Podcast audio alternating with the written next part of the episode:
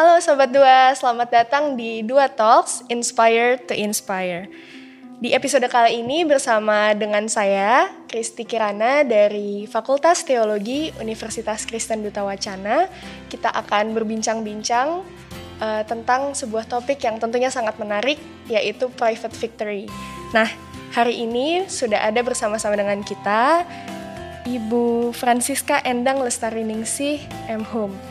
Nah, Ibu boleh diperkenalkan dulu nama lengkap, uh, mau dipanggil Ibu, Mem atau apa? Mungkin domisili juga dan kesibukannya akhir-akhir ini apa? Oke. Okay. Terima kasih, selamat uh, bertemu kembali Sobat Dua, Mbak Kristi. Baik, nama saya adalah Francisca Endang Lestari Ningsih, biasa saya dipanggil Vel. Vel itu adalah ke singkatan dari nama F Francisca E Endang L Lestari Ningsih gitu. Okay. Tapi boleh memanggil saya Endang. Boleh Bu, boleh Mbak, boleh Kak, terserahlah pokoknya yang enak aja. Uh, saya uh, di UKDW mengajar di pendidikan bahasa Inggris. Ini sudah tahun keberapa ya? Waduh, kalau saya sebutkan tahunnya kelihatan nih umurnya. Sudah tahun ke-21 oh, saya ya. ada di sini. Baik, lalu saya sejak lahir di Yogyakarta gitu ya. Lalu uh, kesibukan saat ini saya selain mengajar, selain berkegiatan di kampus, saya suka bersepeda, suka menari. Apalagi di tengah pandemi ya, Bu. Betul. Lalu akhir-akhir ini saya suka bermain badminton gitu. Mengikuti Thomas Cup juga berarti. Oh, iya, iya, iya, iya, tapi takut nonton nanti daripada sakit hati gitu ya. Oke, oke. Nah, berarti uh, narasumber kita hari ini adalah Ibu Endang dari uh, Prodi Pendidikan Bahasa Inggris Universitas Kristen Duta Wacana. Nah, langsung ya Ibu kita berbincang-bincang tentang Silakan, topik kita yang baik, sangat mari. menarik ini. Iya. Oke, okay. uh, eh, sobat dua, uh, episode yang lalu kita sudah membahas tentang setup dalam habit. Nah, tiga habit pertama dalam buku Seven Habits oleh Stephen R. Covey uh, membahas tentang apa yang disebut dengan private victory. Mm -hmm. Nah, dalam beberapa artikel, beberapa tulisan private victory ini dikatakan uh, sebagai akar dari habit-habit yang lain hmm. yang kita perlukan sebagai suatu hal yang fundamental dalam diri kita begitu. Nah, sebetulnya Bu, apa sih tiga kebiasaan yang membentuk diri kita secara dasar hmm. yang disebut oleh Stephen R. Covey itu sebagai private victory itu? Oke, okay, baik, baik. Uh, untuk Seven Habits ini sudah sangat terkenal begitu ya sejak uh, diluncurkan buku awal-awal tahun 80-an begitu.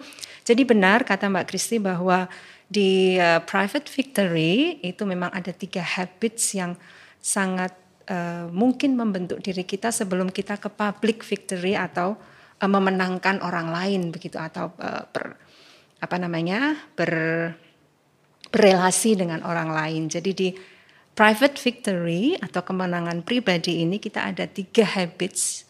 Yang pertama adalah be proactive, menjadilah orang yang proaktif, bukan reaktif. Lalu yang kedua adalah begin with the end in mind, itu adalah bagaimana kita menentukan visi hidup kita. Lalu habit ketiga adalah put first thing first. Nah, ini yang paling sulit ini untuk dilakukan oleh kita semua termasuk uh, para remaja ini ya, termasuk okay. kita yang sudah yeah. sudah cukup umur begitu. Begitu, okay. Mbak. Oke, okay, tadi sudah disebutkan oleh mm -hmm. Ibu Endang ada be proactive, begin with an the end in mind, the end in mind mm -hmm. sama put first things first. Betul. Nah, uh, dari tiga habits tadi Bu, yang pertama mm -hmm. disebutkan itu adalah bersikap proaktif. Mm -hmm. Nah, uh, bagi sebagian besar orang atau mungkin bagi kebanyakan dari kita, apalagi remaja dan pemuda, mm -hmm. uh, kita sering kali merasa memiliki sikap proaktif atau menjadi pribadi yang proaktif itu uh, merupakan hal yang sangat sulit mm -hmm. dan membutuhkan mm -hmm. uh, dorongan besar dari dalam diri kita.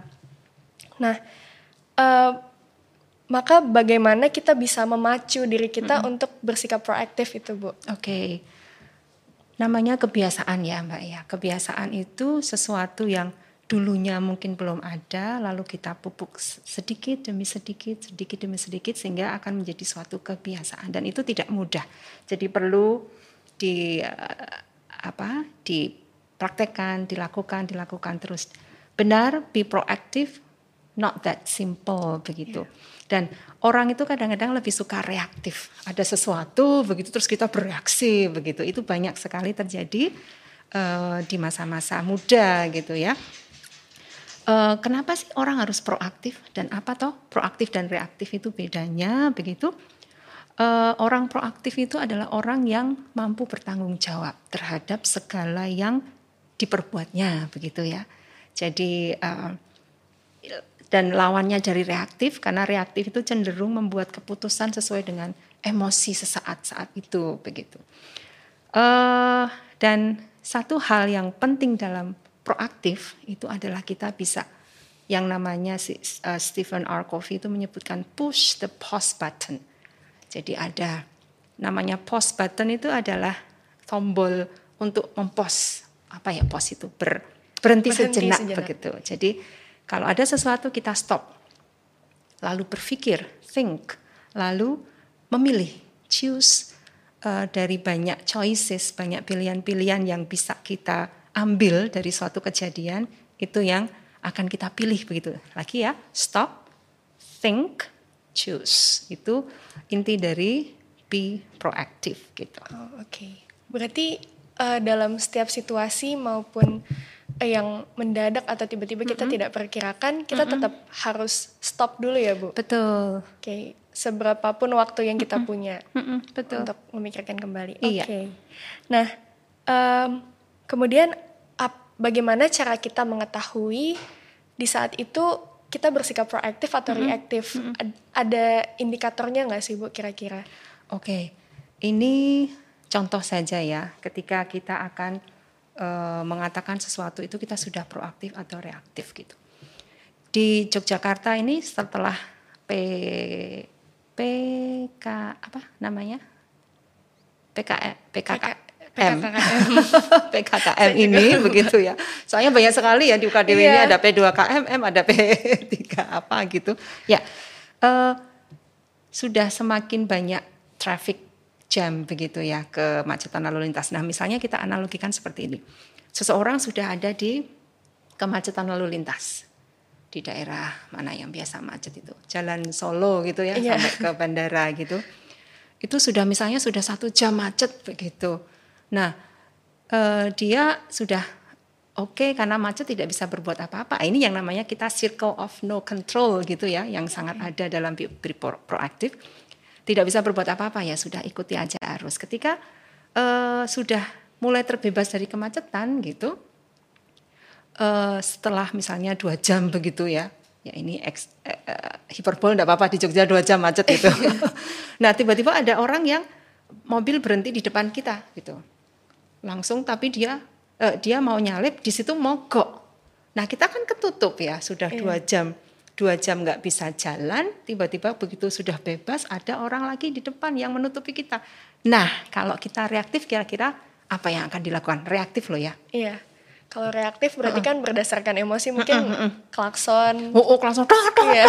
Atau kita keluar dari mobil lalu Marah -marah. semua segala kebun binatang itu disebut begitu ya. iya. ya. Orang yang di depan juga kan nggak bisa berbuat apa-apa. Oh, mogok mobilnya dia juga akan ikut reaktif. Kalau sama-sama reaktif akhirnya berakhir dengan tidak baik, bisa yeah. berantem atau malah bisa apa ya sesu sesuatu yang mungkin lebih jelek dari itu. Nah, kalau kita proaktif tadi stop, think, satunya lagi adalah choose. Nah, kita bisa stop, push the pause button, ambil nafas, terus saya punya pilihan. Pilihan satu saya keluar marah-marah. Pilihan kedua saya uh, akan membantu dia mendorong mobilnya ke pinggir sehingga saya bisa jalan. Nah, kita tinggal memilih dari pilihan-pilihan itu kita mau memilih yang mana gitu. Nah, kalau kita mau memilih yang mau berantem ya pilih yang nomor satu. Kita suka berantem gitu. Tapi kalau kita mau yang damai dan semuanya itu nanti akan di di public victory ya suatu saat okay. nanti ketika kita ada um, your way my way itu itu akhirnya ketemu semua. Kamu bisa saya free untuk jalan, dia juga tertolong untuk ke pinggir gitu. Okay. Itu salah satu contoh di kehidupan sehari-hari untuk be proaktif dan be reaktif eh, atau reaktif. Iya, berarti selalu ada pilihan untuk menjadi Betul. proaktif atau reaktif ya, Bu? Betul, hidup kan adalah pilihan kan ya. Betul.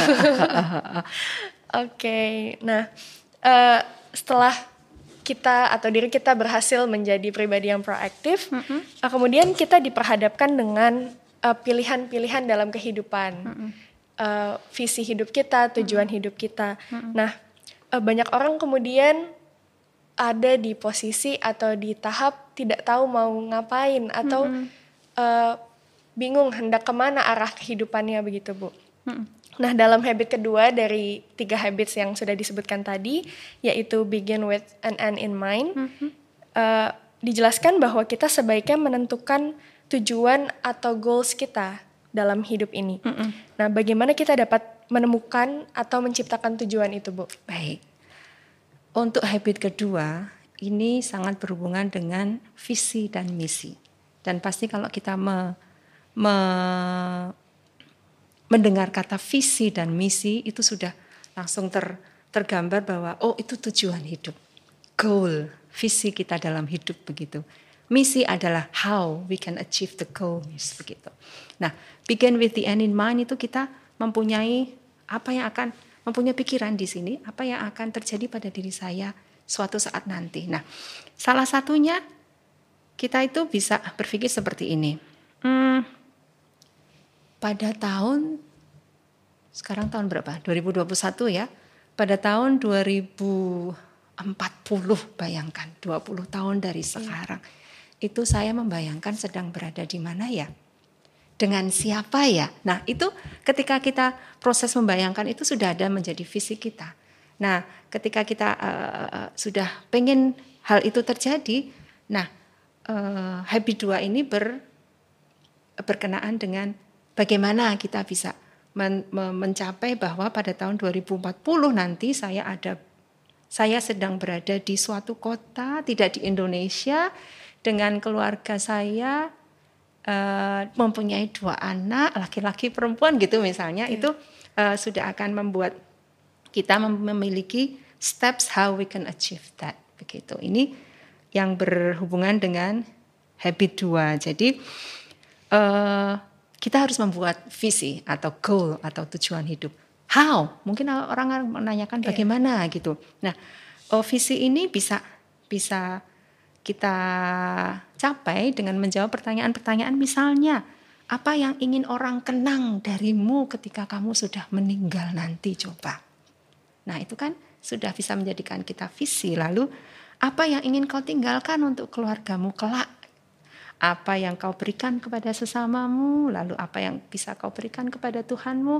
Hal-hal seperti ini bisa membuat kita jalan untuk untuk membuat visi hidup kita. Gitu Mbak Kristi. Oke, berarti bukan cuman soal mimpi ya Bu, tapi betul. bagaimana nah, cara betul. kita. Itu mimpi. Mimpi boleh tapi achievable. Okay. Achievable bisa diraih. Jangan kita bermimpi yang wong kita aja nggak bisa melakukannya gitu. Betul. Oke, nah uh, kalau tadi kita sudah mampu bersikap mm -hmm. proaktif, kemudian kita sudah uh, memiliki tujuan hidup kita. Mm -hmm. Nah, dalam uh, kita berproses menuju ke sana, tentu uh, kita menemui banyak tantangan, banyak hambatan yang kemudian membuat kita uh, seolah apa ya terhambat untuk menuju ke tujuan kita itu. Mm -hmm. Nah uh, salah satunya adalah ketika kita sedang mencoba untuk mencapai tujuan hidup kita, ada banyak skala prioritas yang Betul. kita lewatkan, iya. Ibu. Nah, menurut arahan dari Stephen R. Covey mm -hmm. dalam Seven Habits, mm -hmm. ada hal yang sebaiknya kita lakukan agar kita terarah menuju tujuan hidup kita itu, Bu. Mm -hmm. yeah. Nah, bagaimana itu, Bu? Oke, okay. ini sudah menuju ke habit ke Tiga. Iya. Ya. Habit ketiga adalah berhubungan dengan manajemen waktu. Bagaimana kita memprioritaskan sesuatu. Nah, kalau anak muda yang tidak terbiasa dengan memanage waktunya ini, pasti sering mendengar kata menunda atau procrastinate. Pernah dengar ya? Nah, ketika kita melakukan menunda, menunda, menunda, begitu, kita tiba-tiba akan berada di di apa namanya di kuadran yang ke ke sini Empat. keempat yang oh yang ke, ke- ketiga malah Eh, pertama urgent important Oh, ya oke. nggak urgent itu adalah mendesak important itu adalah penting jadi habit ketiga ini berhubungan dengan urgent dan important. Urgent itu adalah sesuatu yang mendesak, important itu yang penting. Apakah itu urgent important, not urgent not important, not urgent important atau uh, not important not urgent gitu ya. Oke. ada ada ini ya, ada kuadran-kuadrannya. Ketika kita sudah plan suatu eh, kegiatan begitu di kuadran kedua, yaitu yang tidak urgent tetapi penting, tidak mendesak tapi penting, tetapi kita tunda, kita procrastinate. Contoh paling nyata itu adalah kalau mengerjakan tugas, ya enggak? Diberi tugas, waktunya kapan? Satu bulan, wah masih satu bulan Iya. gitu ya. Akhirnya ditunda-tunda, akhirnya hanya tinggal satu minggu. Aduh sudah mendesak sekali. Dosen itu kan kalau memberikan waktu satu bulan sudah diperkirakan bahwa kalau dikerjakan sedikit demi sedikit selesai. Tapi kalau dikerjakan tiba-tiba dalam waktu satu hari gitu pasti tidak akan maksimal. Sistem Nah, SKS ya Bu. betul dan itu sering terjadi. Iya. Saya tadi menyatakan bahwa bagian ini paling sulit dilakukan karena ini bagian ini adalah bagian yang membutuhkan perencanaan dan bagaimana kita melakukannya. Gitu.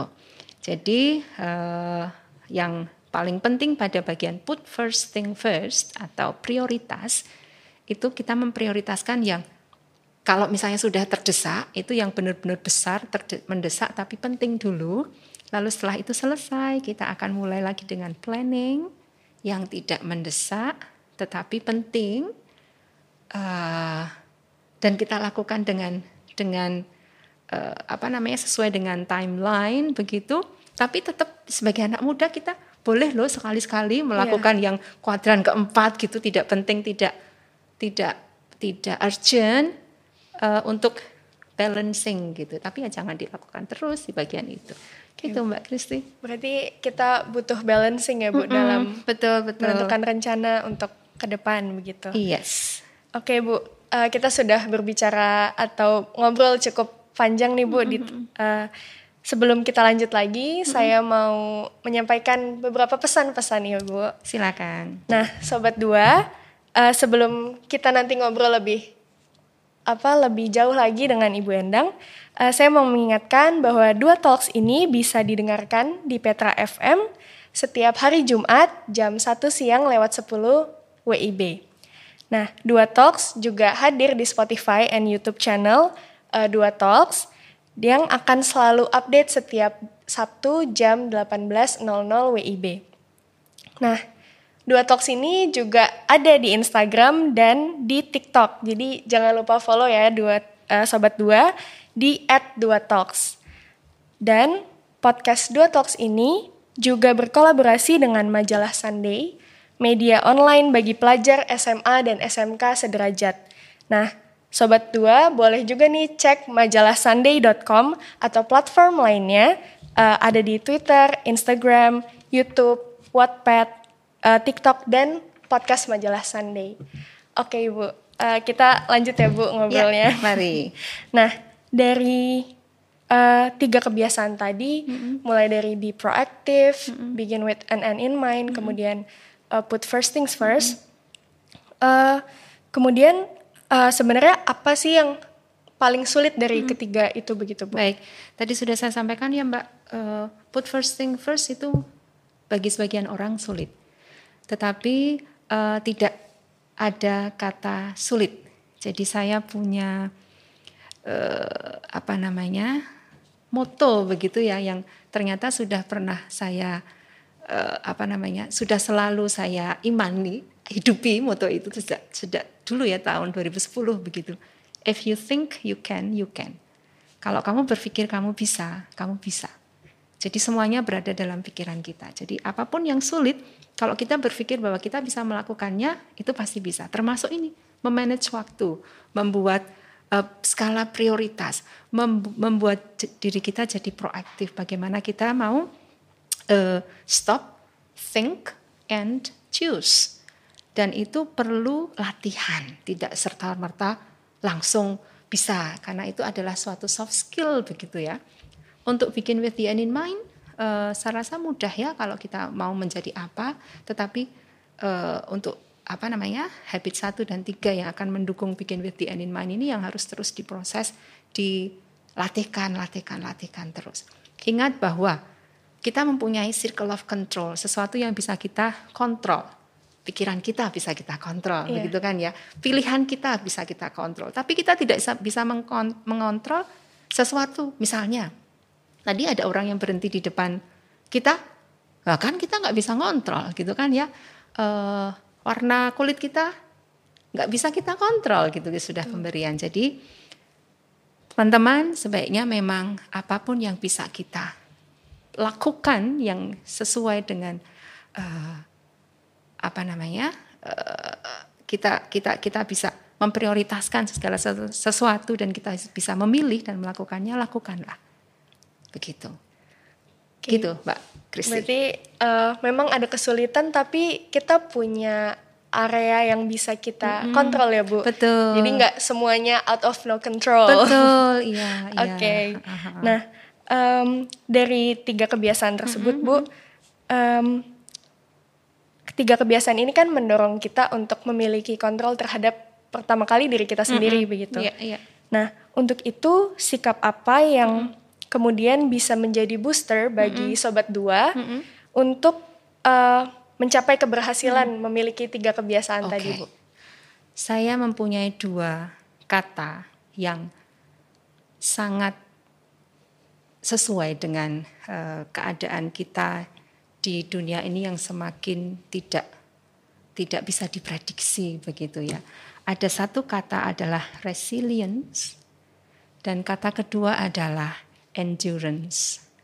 Resilience ketika kita mampu bangkit dari segala keterpurukan, lalu endurance adalah ketika kita bisa bertahan diri dari uh, semua permasalahan yang ada.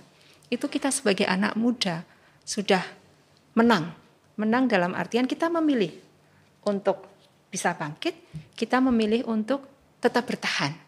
Karena contohnya COVID-19 ini kan sesuatu yang out of our control gitu ya, outside our control. Ya kalau kita bisa bertahan sampai sekarang kita sudah memilih. Saya memilih untuk resilience, saya memilih untuk bisa mempunyai semangat dalam endurance. Nah, itu kalau bisa kita terapkan, saya yakin anak muda Indonesia itu akan menjadi generasi muda yang luar biasa. Oke, okay. oke okay, Ibu, kita mm -hmm. sudah ngobrol mm -hmm. banyak hal tentang uh, private victory, habits-habits dalam private victory. Yeah. Oke, okay, kalau boleh saya rangkum Bu, berarti mm -hmm. tadi uh, dalam ranah private victory yang disampaikan oleh Stephen R. Covey, mm -hmm. ada tiga habits yang perlu kita tanamkan dalam diri kita sebagai habits fundamental, yaitu uh, be proactive, begin with an end in mind, mm -hmm. dan put first things first. Betul. Nah, lalu kemudian Bu Endang menambahkan bagaimana kita kemudian dapat mencapai itu dengan dua kata yaitu resilience dan endurance. Endurance. Yeah. Oke. Okay.